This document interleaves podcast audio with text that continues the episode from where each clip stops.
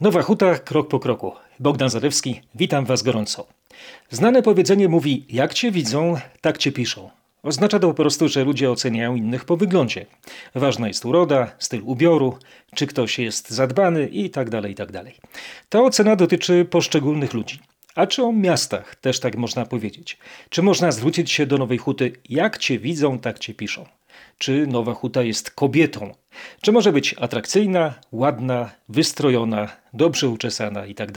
Może i powinna. To oczywiście jest personifikacja, uosobienie. Dzielnicę uznajemy za osobę. Jest w tym pewna przesada, mimo to właśnie tak chciałbym na sprawę estetyki miejskiej popatrzeć. Bo tu nie chodzi jedynie o odnowione kamienice, czyste aleje, wysprzątane podwórka, bez walających się śmieci, tych porzuconych starych mebli czy telewizorów i tym podobnych rzeczy wyrzutków. To są takie pryszcze na ładnym obliczu Nowej Huty, ale w sumie to pryszcz. Przyjdzie dozorczyni, higienistka i poprawi urodę. Przyjedzie śmieciarka, ten obwoźny podwórkowy salon kosmetyczny i zrobi Nowej Hucie odmładzający peeling. Jednak to jest dbałość, że tak powiem, podstawowa. To chyba nie ma o czym mówić, to betka. Nic takiego. Banał i fraszka, godna rymowanki. Piszą w gazecie i w internecie, że w Nowej Hucie wszędzie są śmiecie. Jednak jest też głębsze rozumienie zdania jak cię widzą, tak cię piszą. Rzecz dotyczy wzroku. Bardzo istotnej roli, jaką odgrywa ten zmysł, także w odbiorze miejskiej przestrzeni. Sięgam po fascynującą książkę Rudolfa Arnheima, pisarza urodzonego w Niemczech, zatytułowaną Sztuka i percepcja wzrokowa psychologia twórczego oka. To niezwykłe, jaką głębię ma ludzkie oko. Na początek tego odcinka mojego podcastu chciałbym zacytować mały fragment z rozważań Rudolfa Arnheima. Wpływ przeszłości. Każde doznanie wzrokowe osadzone jest w kontekście czasowo-przestrzennym. Na wygląd przedmiotów wpływa nie tylko to, co w danym momencie widzimy obok nich w przestrzeni, lecz również to, co widzieliśmy dawniej. Tak pisze psycholog. Jednak od razu podkreśla, że wzajemne oddziaływanie między kształtem przedmiotu widzianego obecnie, a kształtem rzeczy widzianych dawniej nie odbywa się automatycznie, ani też nie zachodzi zawsze, lecz zależy od tego, czy postrzegamy tu jakiś związek. Może to trochę skomplikowanie brzmi, pokażę to na nowochódzkim przykładzie, jak ja to widzę. Jeśli spytacie mnie, co jest najbardziej charakterystyczne w miejskim pejzażu Nowej Huty, to najpierw odpowiem pytaniem starej czy nowej Nowej Huty. Bo przypomnę, są to dwa bardzo różniące się od siebie obszary. Cechą młodszych rejonów, takich jak Bieńczyce czy Mistrzejowice, jest typowa zabudowa blokowa, czyli jak określa to moja niedawna rozmówczyni, pisarka Beata Homontowska, betonia. Natomiast pierwotna Nowa Huta, na początku osobne miasto, to klasycyzujący socrealizm. To, co dla mnie jest najważniejszym rysem tej architektury, no ale nie tylko architektury, bo to jest głębsza sprawa, są bramy. Jest ich bez liku i mają przeróżne formy. Od ozdobnych i bogatych w detale bram osiedla stalowego, y, po bardziej surowe, ale charakteryzujące się większą otwartością na labiryntowe komplikacje bramy osiedla szkolnego, niższe i prostokątne na sportowym, łukowate i wysokie, gdzie niegdzie zabudowane na teatralnym. Jest też wąska, jeszcze wyższa na centrum C. Ramami mojej nowochódzkiej pamięci są właśnie bramy. Ich y, pierwotna funkcja, o czym możecie przeczytać w różnych przewodnikach i artykułach, była dostosowana do czasów tzw. Tak zimnej wojny, stanu ciągłego napięcia pomiędzy komunistycznym wschodem a kapitalistycznym zachodem. Tamten okres minął, a bramy zostały.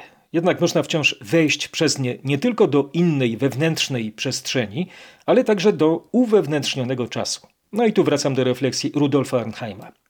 Każde doznanie wzrokowe osadzone jest w kontekście czasowo-przestrzennym. Jak się to ma do Nowej Huty? Oto praktyczna strona takiego sposobu myślenia. Podbudowana teorią oraz dokładną obserwacją przestrzeni. Sporo się ostatnio w Nowej Hucie mówi o tak zwanym parku kulturowym. Stara część Nowej Huty to zabytek, choć ma rocznikowo ledwie 72 lata. Przyznanie dzielnicy takiej kategorii to oczywiście docenienie jej roli i walorów, ale też nowe obowiązki, reguły, nakazy i zakazy.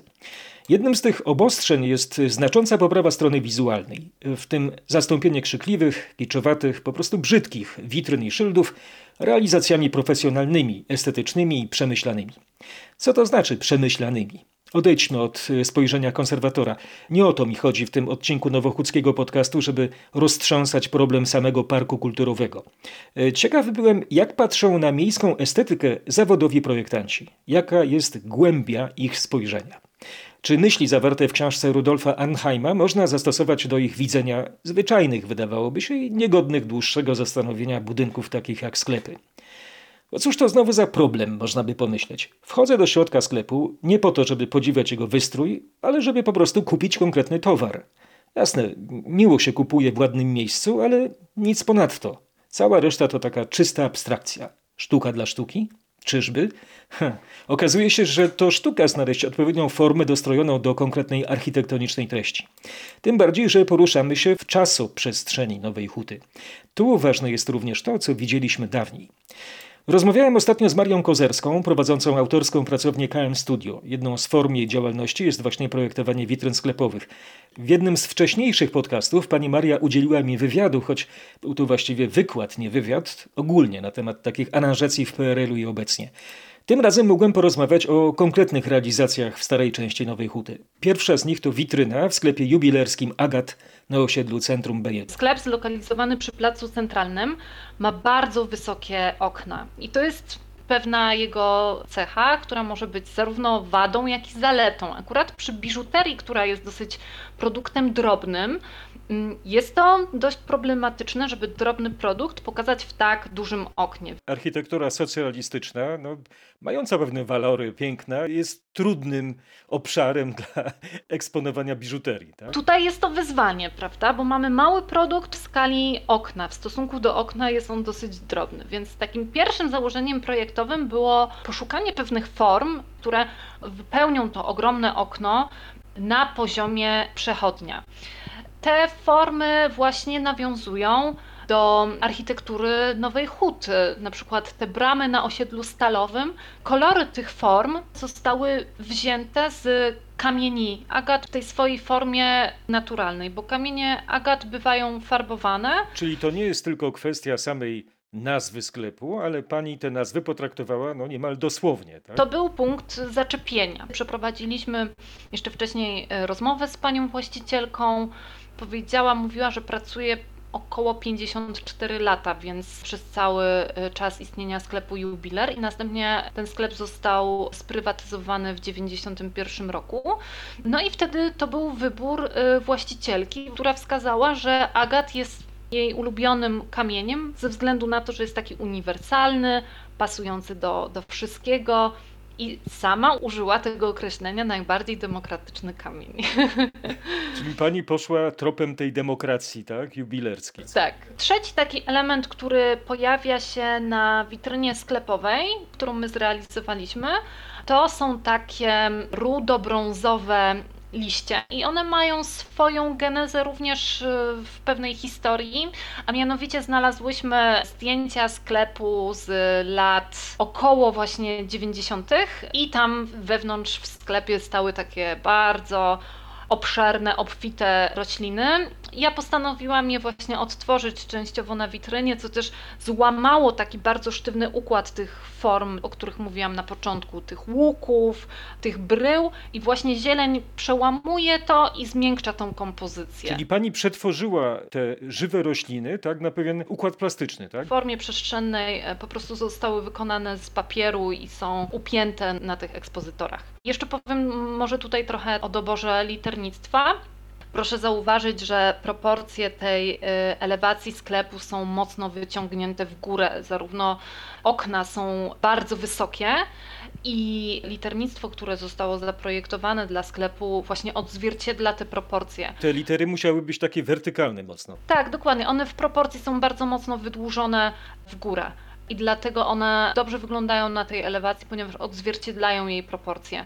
A poza tym są klasyczne, więc też myślę, że wpisują się tutaj w zarówno i, i kolorem, i właśnie i proporcją, i kształtem do elewacji. To, co pani powiedziała o tych bramach na osiedlu stalowym, przykuło moją uwagę, bo pani bardzo rzetelnie przeanalizowała architekturę Nowej Huty. Bramy na osiedlu stalowym, tak, tworzą pewnego rodzaju takie okna, przez które mieszkańcy patrzą na ulicę. One są taką ramką kadrującą, ale też proszę zobaczyć, że e, te moje formy na witrynie agatu nawiązują bezpośrednio też do kształtu okien. One są zakończone łukowo u góry i tak samo te, te formy, prawda? Więc to można czytać też w tym kierunku. To jest taki uniwersalizm nowochódzki. My realizowaliśmy także witrynę dla sklepu PAW.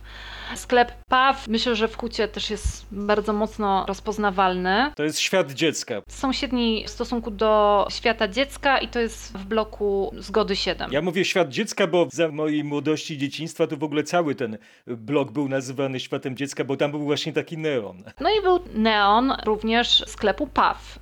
Okazały, bardzo duży. Więc chciałyśmy tutaj przywrócić pewne takie wspomnienie właśnie świetności tego sklepu.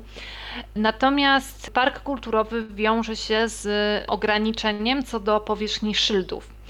Więc my postanowiłyśmy wciągnąć dawną formę szyldu PAW w obszar witryny i zrobić go maksymalnie dużego, żeby przywrócić to właśnie dawne wspomnienie o świetności tego sklepu. Ten napis ma pełnić funkcję podkonstrukcji, do której pani właścicielka wraz z zespołem sklepu może sobie przyczepiać jakieś dekoracje sezon sezonowe.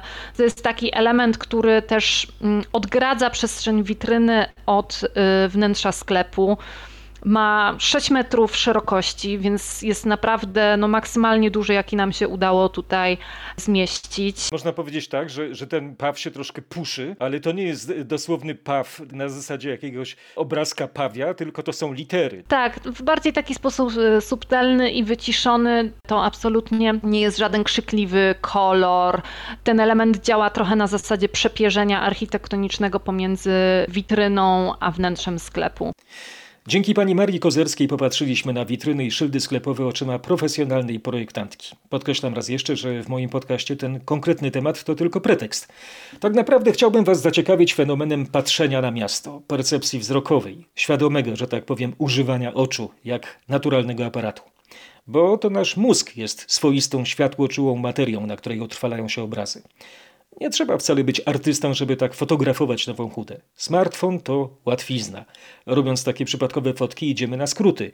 Popatrzcie teraz, tak przykładowo rzecz ujmując, jak konkretne miejsca w naszej dzielnicowej czasoprzestrzeni żyją w niezatartych obrazach. Pozostańmy przy temacie sklepów. Są takie otoczone, mówiąc z pewną przesadą, czcią, a przynajmniej darzone szacunkiem przez rodowitych mieszkańców. Nie lubię słowa kultowy, ale tak się właśnie określa takie przybytki. To są punkty z długą, jak na naszą dzielnicę, tradycją. Znaczące miejsca na mapie Nowej Huty. Jednym z nich jest sklep gospodarstwa domowego Ludwik na osiedlu kazimierzowskim. Odkąd pamiętam, od świadomego dzieciństwa, więc z przełomu lat 60. i 70., ten sklep tam był, czyli jak dla mnie zawsze. Ludwik nadal króluje. Co ciekawe, w związku z naszym tematem zachował swoją nazwę i specyficzne litery na dachu. Klasyczne L, U, D, W, I, K.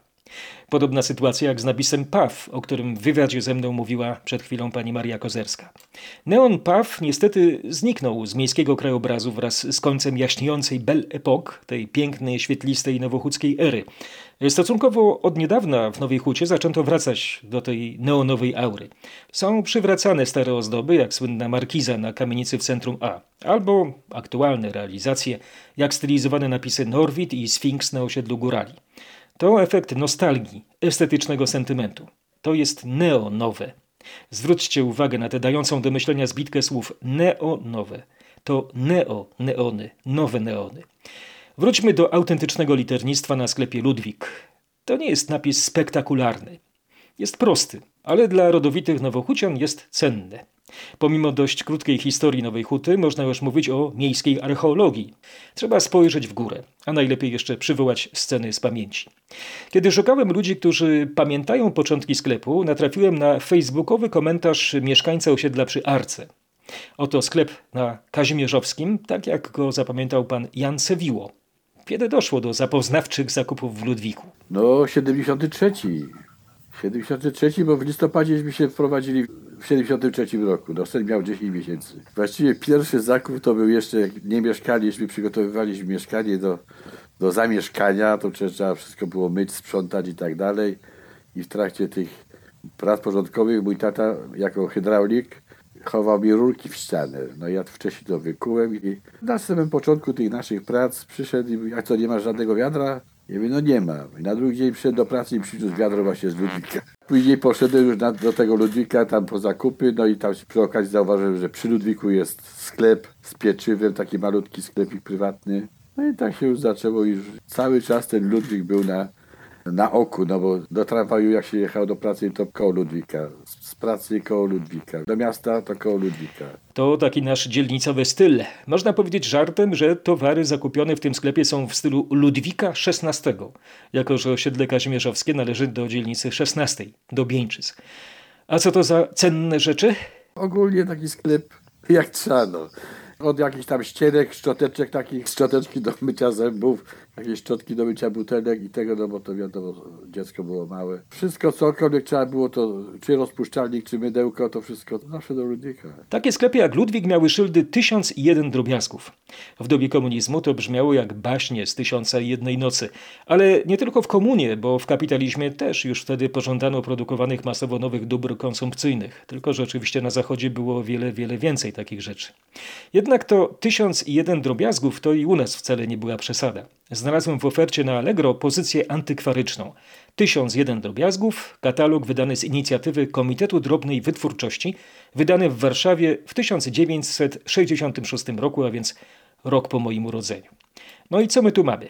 Są już na przykład wyroby z tworzyw sztucznych, w tym zastawa stołowa i artykuły dekoracyjne, sprzęt kuchenny i pomocniczy, przybory toaletowe i urządzenia łazienek, artykuły turystyczne, wyroby z folii igielitowej i tym podobne. Ale najbogatsza jest chyba oferta artykułów metalowych. Wyroby z blachy stalowej, garnki, rondle, patelnie, imbryki do wody. Wyroby z blachy aluminiowej, miski, talerze, pokrywy, cedzidła, brytwanny. Wyroby z białej blachy, tortownice, kreacze do jaj, foremki do ciasta i galaret, pudełka do chleba i tym podobne. Wyroby z blachy i drutu mosiądzowego, na przykład gzymsy do firanek, kółka i żabki do firanek, kółka do kluczy. No i tak dalej, i tak dalej, i tym podobne. Kluczowa sprawa. Nowa Huta, kombinat metalurgiczny, był jednym z tych zakładów, dzięki którym takie rzeczy, przynajmniej ich część, mogły być w Polsce, wprawdzie komunistycznej, ale jednak produkowane. Kiedy robiłem tę wyliczankę, pewnie wielu, jeśli nie większość z Was, robiła takie znaczące kółka na czole. Zalewski oszalał. Możliwe, że Nowa Huta zagościła nie tylko w moim sercu, ale rzuciła mi się na mózg. Mam jednak na koniec całkiem racjonalny, zdroworozsądkowy argument, że te wszystkie rzeczy, które wydają się nam teraz niegodne uwagi, z którymi jesteśmy tak blisko, że ich w ogóle nie zauważamy, jakby były powietrzem, są niezwykle cenne. I wcale nie chodzi o tysiąc jeden drobiazgów z baśni Tysiąca i jednej nocy.